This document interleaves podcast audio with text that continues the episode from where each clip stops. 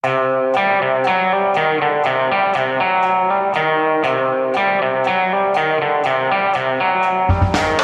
er det endelig lørdag. eh, og det betyr at jeg har fått tak i Roar Hagen, som jeg nå ser via eh, nettet her. At du sitter i en bil, Roar. Er du ute og kjører bil mens du lager podkast? Ja, her må vi jo multitaske, vet du. Så jeg har parkert akkurat i anledningen dette her da, for å, å få eh, fullført podkasten innimellom mange gjøremål. Ja, men du har beveget deg fra Stavanger?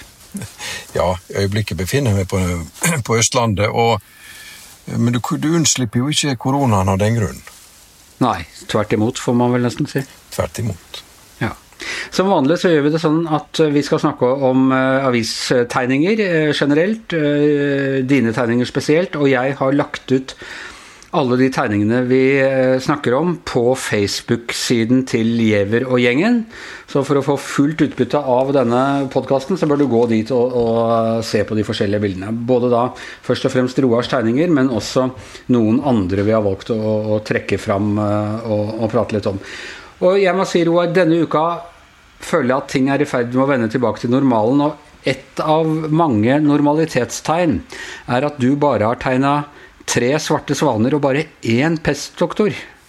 ja, det blir jo en hverdag i dette her også. Til og med tegna Trine Skei Grande, så Ja. det, det forteller jo at vi kanskje går tilbake til en slags normalitet, da. Eller beveger oss i den retning.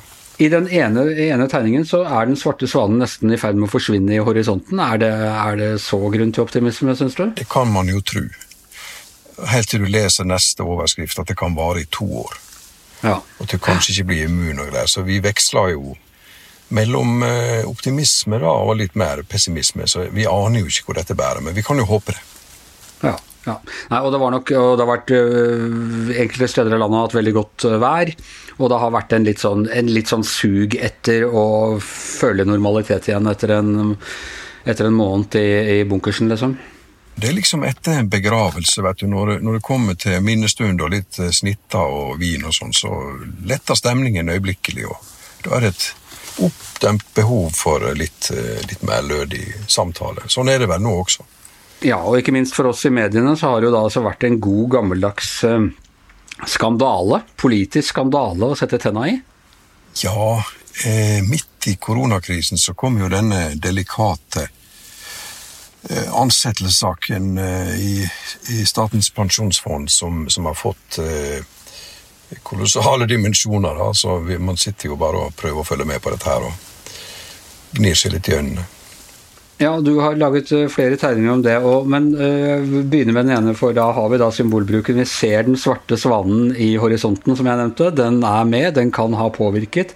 Eller ser vi finansminister Jan Tore Sanner heises ned fra en boreplattform og ned til en øh, en gul gummibåt som det står hovedstyret i Norges Bank på. Og alle som kjenner deg og kjenner norsk eh, hva skal du si, ikonologi de siste vet at den gummibåten den representerer statens avmakt, kan vi kalle det det? Ja, det, jeg lager jo en bevisst gul, da, og ikke rød. Fordi Ja. Dette er bare en fjern slektning av, eh, 11, av 22. juli. Så altså det er sagt. Men, eh, men som symbol så kan det jo funke. Og, og scenen Så du valgte en annen farge helt bevisst der, altså? Det er helt bevisst. Så det, det er en slags link, men den er ikke for stor. Eh, nei, altså Det er jo veldig rart at når vi skal ansette et menneske i den viktigste jobben i norsk forvaltning, så så har man liksom ikke gjort eh, heimeleksa si ordentlig og undersøkt alt osv. Så, videre, så, videre. så denne stakkars mannen som har fått jobben, han, eh, han kommer jo i klemme på en veldig merkelig måte. Og ehm, Vi får vel kanskje si stakkars i anførselstegn der, det er det det er ikke ikke, han er ikke av de mest nødlidende i landet. Nei, nei, nei, nei, han har alt han trenger, men i situasjonen så må det jo være litt frustrerende også for han, da. Så det er merkelig at ikke alt er klarert og undersøkt eh, på forhånd. Og det kan jo hende at alt er i orden, det er ikke det, men det burde jo være en del av tilsettelses, ansettelsesprosedyren. Ja, og vi, kanskje vi i mediene må la, ta dette litt på vår kappe òg. Utnevnelsen skjedde under eh, koronatiden, og vi, ingen var så opptatt av det, rett og slett. Og vanligvis ville jo, for han tas jo på en måte inn helt utenifra Vanligvis ville vi ha grepet tak i en sånn outsider-kandidat og endevendt ham litt nøyere enn det vi har gjort, vi også? Ja, selvfølgelig. Det, det er jo den viktigste jobben i i alle fall i det offentlige, utenom liksom statsminister og regjering. Det å forvalte oljefondet det er jo det som skal redde oss. Og eh, vi vil jo gjerne ha den beste mannen, og samtidig så er det en politisk stilling. 50 politisk stilling, så du må jo ha inngående kunnskap til samfunnsliv og norsk mentalitet. Og um, gi et inntrykk av at du vil tjene folket, da, først og fremst. Som, som eier oljeformuen. Så og Første tegningen du lagde til den her, den syns jeg virkelig det er eh, Jeg holdt på å si det er deg i et nøtteskall. Der har man på en måte hele uh, Ja, du bruker mange av de symbolene og den ironien som vi kjenner deg for. Der er det sentralbanksjef Øystein Olsen som sitter ved skrivebordet sitt. Og så er det en svart svane som har lagt et digert egg på skrivebordet hans, og egget heter Statens pensjonsfond, og det er i ferd med å klekkes. Ja, altså, han er nå en veldig trivelig kar. Så, men det kommer jo liksom en svart svane inn på pulten hans også, da. Eh, I form av en masse bråk og spetakkel rundt denne ansettelsen. Så, eh, og han virker jo da litt overraska, selvfølgelig, og eh, lurer på hva som skjer. Så ja, jeg tillot meg å bruke det som symbol. Ja, Vi får jo da nevne, for de som ikke har hørt oss tidligere, altså Roar har jo da brukt den svarte svanen hele tiden som symbolet. altså eh, Helt direkte som eh, koronaviruset, men i overført betydning på den store uforutsette tingen som rammer oss, som ingen hadde planlagt for. Jeg er sikker på at alle aktørene i denne saken her ikke hadde planlagt dette. Altså, De hadde ikke sett for seg bråket, de hadde ikke sett for seg noen ting, egentlig. Sånn er det jo med oss alle. Plutselig så står i en situasjon som du ikke kunne forutse. Og, og dette er jo en sånn hendelse. Og så skjer den midt i koronakrisa, som du nevner. Så går den litt under radaren til å begynne med, og så eksploderer den, da. Og så eh, har det gående, og, så, og den, er jo, eh, den, er jo, heller ikke slutt. Den er, jo, den er jo midt i, og det sitter nå og møtes og skal ha svar på masse spørsmål og greier. Så dramaet er jo så stort som det kan være. Du, En annen ting, et veldig konkret symbol uh, du bruker, som vi vel ikke har snakket om, det er rett og slett uh, munnbindet. Uh, munnbindet som jo også går litt i sjangeren av, av du, altså, Vi var ikke forberedt på pandemien. Det, få ting kan symbolisere det bedre enn at vi rett og slett ikke hadde nok munnbind da, da krisen traff. Det er veldig rart. Og det er jo, Du kan jo tenke at, at myndighetene burde tenkt tenkt på det. Vi hørte på Høie i går. Han var nokså åpenhjertig. At dette hadde vi ikke tenkt på. Og, og det er jo menneskelig, men, men det, er jo, det er jo veldig rart også, fordi vi får beskjed om at vi må for, for all del nyse og hoste i albuen. Det er veldig viktig. Det er veldig viktig. Ja. Men munnbind er ikke viktig. Det, det, det ser jeg ikke poenget med. Så åpenbart så kunne de nok tenkt seg at vi brukte munnbind, men vi har ikke munnbind, og derfor må man lage et rasjonale rundt det. Så munnbind er jo også veldig visuelt og symboliserer jo på mange måter den situasjonen vi har kommet opp i. Det er luft. Du, har, du nevnte, nevnte, jo at, allerede at du har tegna Trine Skei Grande. Hun kikker ned i et stort, eh, jeg vil si, bunnløst hull med munnbind og sier 'hvor blei det av Venstre som er forlot'? jo, det var jo Jeg tenkte jo på henne at hun ga seg liksom to dager før uh, Norge ble nedstengt, eller ja, før alt gikk galt. og ja. Kanskje hvis, hvis, hun hadde blitt sittende, så kunne hun blitt en slags landsmoder, hun også. ikke sant? Ja, da ville hun vært eh, Hun ville ha vært en av Hun jo sted, var jo stedfortredende statsminister og hadde en viktig rolle i regjeringen. Ville ha stått fram på alle disse pressekonferansene og vært en samlende person? Ja, altså Jeg tror jo at Trine da hadde kunnet fått en helt ny dimensjon over seg. Så hadde, hadde, hadde hun da kunne forestille seg dette, så ville hun ikke trukket seg, selvfølgelig. Hun ville jo sittet gjennom koronakrisa, så det må jo være veldig forsmedelig nå å sitte fra utsida og kikke på. Og så er det to andre kjente fjes som er delvis skjult, eller i hvert fall en av dem veldig kjent. Eh, Benjamin Netanyahu og eh, Gans. Hva er det han Gans heter til etternavn? Benny. Eh, ja, Benny Gans. Som er nå skal være skal bosse, som vi kalte det i Follo i gamle dager, på statsministerjobben i Israel? Ja, det er jo også et resultat av koronakrisa. At det, den er så djup i alle land at du, du får liksom to statsministre på samme pult. Så, og de to liker jo ikke hverandre. Det er jo litt eh, Rabin og Peres. De ble jo beskrevet som et old functioning bad marriage. Altså, de var Men de, de måtte Det kunne ikke oppløses. Dårlig ekteskap som, som ikke kunne oppløses? Det var jo selvfølgelig ikke, ikke kjærleik, men det var mer en slags nødvendighet. da. Og Det er vel det som nå også har skjedd i Israel, at du må finne veldig forsmedelige kompromiss for å redde situasjonen. Eh, norsk politikk, det er eh, eneste parti som da eh, har bestemt seg for å avholde landsmøtet på tross av koronakrisen, er Miljøpartiet Det Grønne. Og du har tegna Une Bastholm midt mellom en prestdoktor og en sort svane, og samt to boreplattformer i bakgrunnen som hva er det, Bøyer de seg i ydmykhet eller skam, eller hva er det de driver med? Kne, kneler vel litt. Eller ikke kneler litt, men Altså, I respekt for det, for det, grønne skiftet, eller hva? Nei, altså, Det som jeg tenker med, med Miljøpartiet De Grønne, er jo at det måtte jo være Det var vel mer gøy å være Miljøpartiet De Grønne den gangen før i tida hvor vi kunne sitte og shoppe billige Norwegian-billetter for å komme oss på økoreise til forskjellige uh, deler av verden. ikke sant? Og, og du kunne kritisere det samtidig. Det er ikke så gøy nå, når alle flyene står og alle skip står, og, og eh, partiet har fått sine, nær sagt, ufrivillig da, eh, mål om reduksjon i utslippene oppfylt. Så eh, hvis jeg var MDG nå, så ville jeg tenkt at jeg hadde fått slått beina under meg.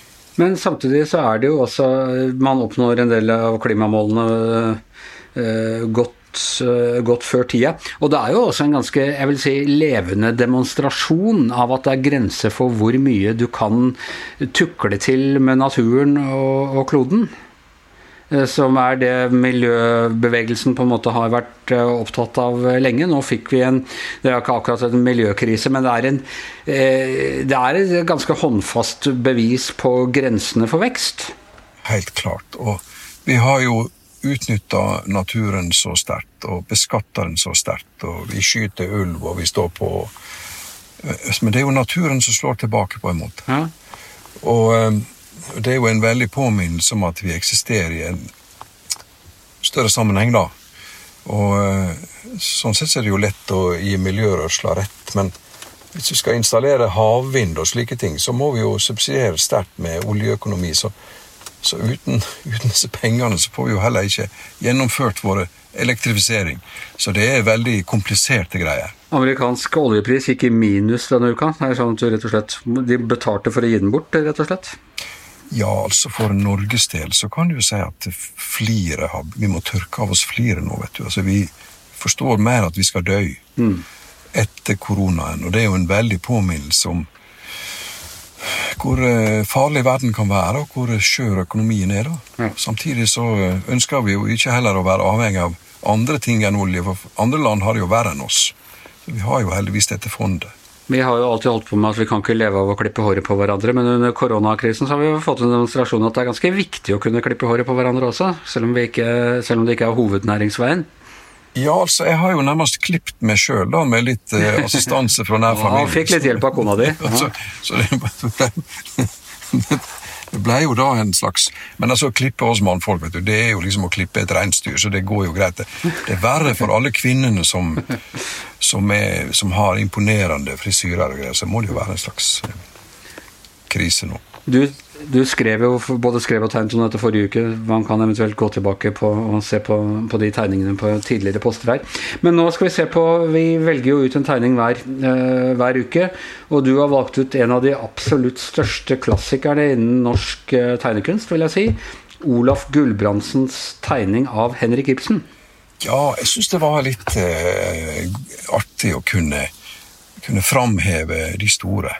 Eh, og Gulbrandsson er jo en av de aller største tegnerne vi har hatt. Og, og eh, som, som, tegner så står jeg jo veldig takknemlighet til en sånn type som han.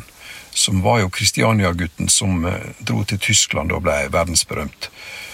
Og, men, det, men, det, er mer enn det også, fordi han ble jo i sitt tredje ekteskap gift med en dame som heter Dagny Bjørnson Gulbrandsson.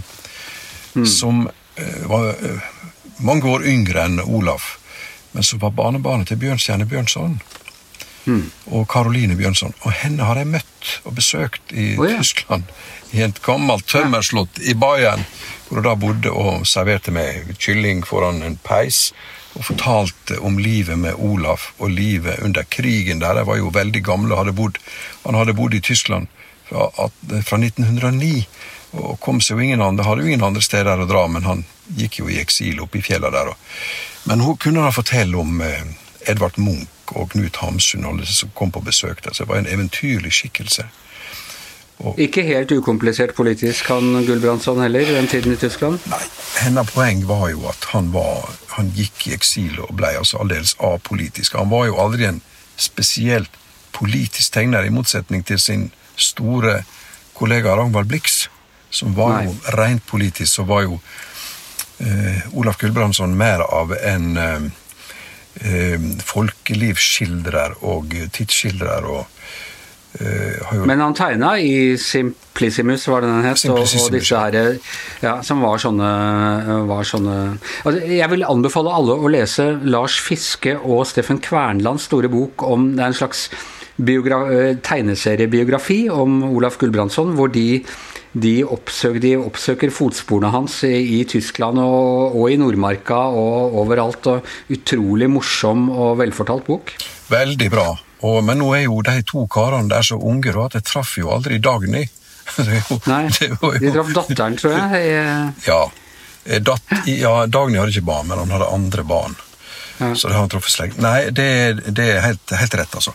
Det er en, en fantastisk tegneserie. og Grunnen til at jeg vil trekke fram Olaf Gulbrandsson, er jo at med kjennskap til han og Blix og disse, så får man også et førstehånds eh, beskrivelse av norsk historie og norsk identitet som er, som er veldig spennende. Ja. Du, jeg tenker litt når jeg ser på streken Jeg husker jeg, mens jeg en gang i tiden selv var opptatt av å prøve å bli en teg god tegner så la jeg merke til den tegningen. Jeg var veldig imponert over hvor enkelt den var tegnet. Bortsett fra akkurat skoene hans. Han har tegnet Ibsen med noen sånne litt dameaktige støvletter. Eh, som fascinerte meg veldig. Og i lang tid når jeg satt og rabla, så tegna jeg alltid at folk gikk i den type støvletter. Det er, eh, det er et lite sånn i den derre superenkle, elegante streken plutselig lagt inn et sånt veldig kokett eh, lite element. Altså, Ibsen må jo ha vært eh, veldig, veldig jålete. og omhyggelig med sitt utseende.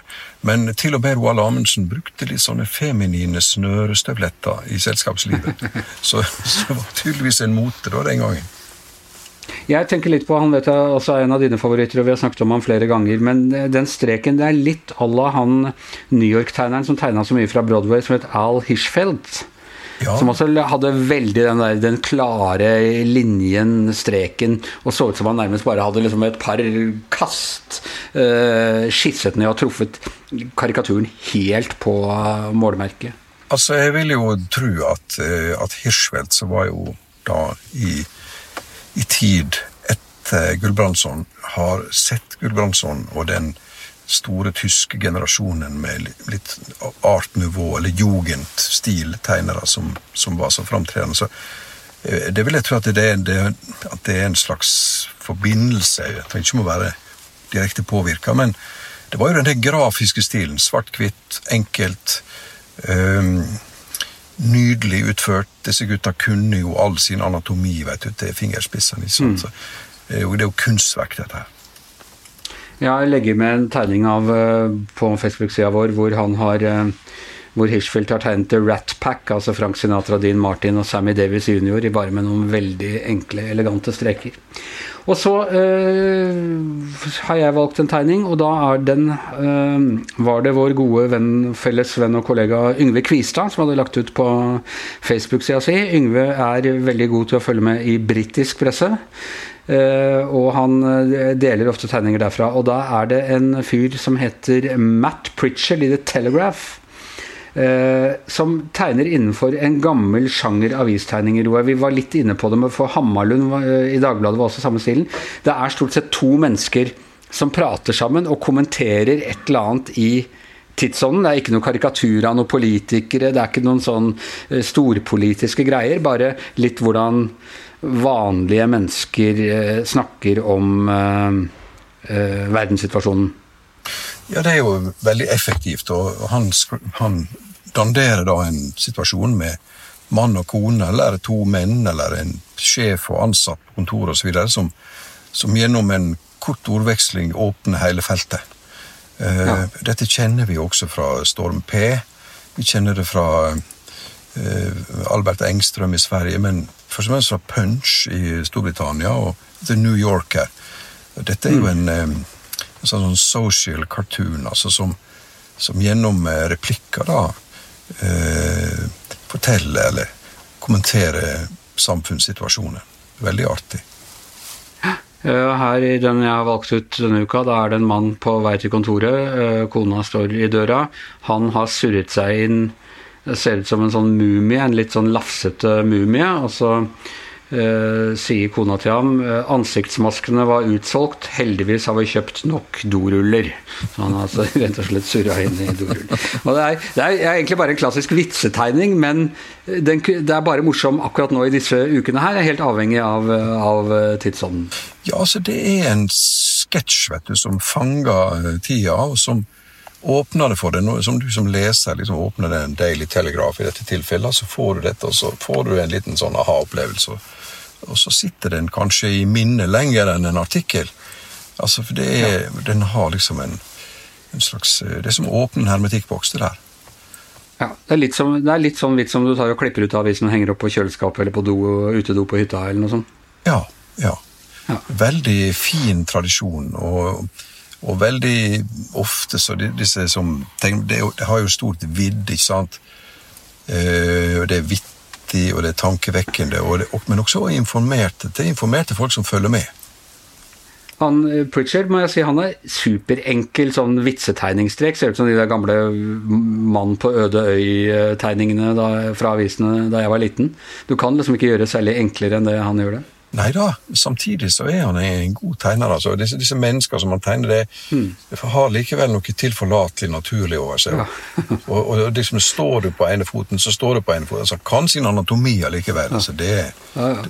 Og Du ser på han der mumien som er surra inn her, det eneste du ser er øynene hans. Og de øynene er bare to prikker, men allikevel så sier det blikket det meste. Så det er, eh, det er veldig elegant. Det er veldig elegant, og det lar deg som leser få lov å dikte litt og legge litt til og være en organisk del av forståelsen av, produktet. Jepp. Eh, med det så tror jeg vi erklærer lørdagens eh, podkast eh, for over. Du er på vei vestover igjen, eller Roar? Det kommer litt an på hvor smitten beveger seg, og hvor, i hvilken grad vi får besøke barnebarn osv. Så, så ja.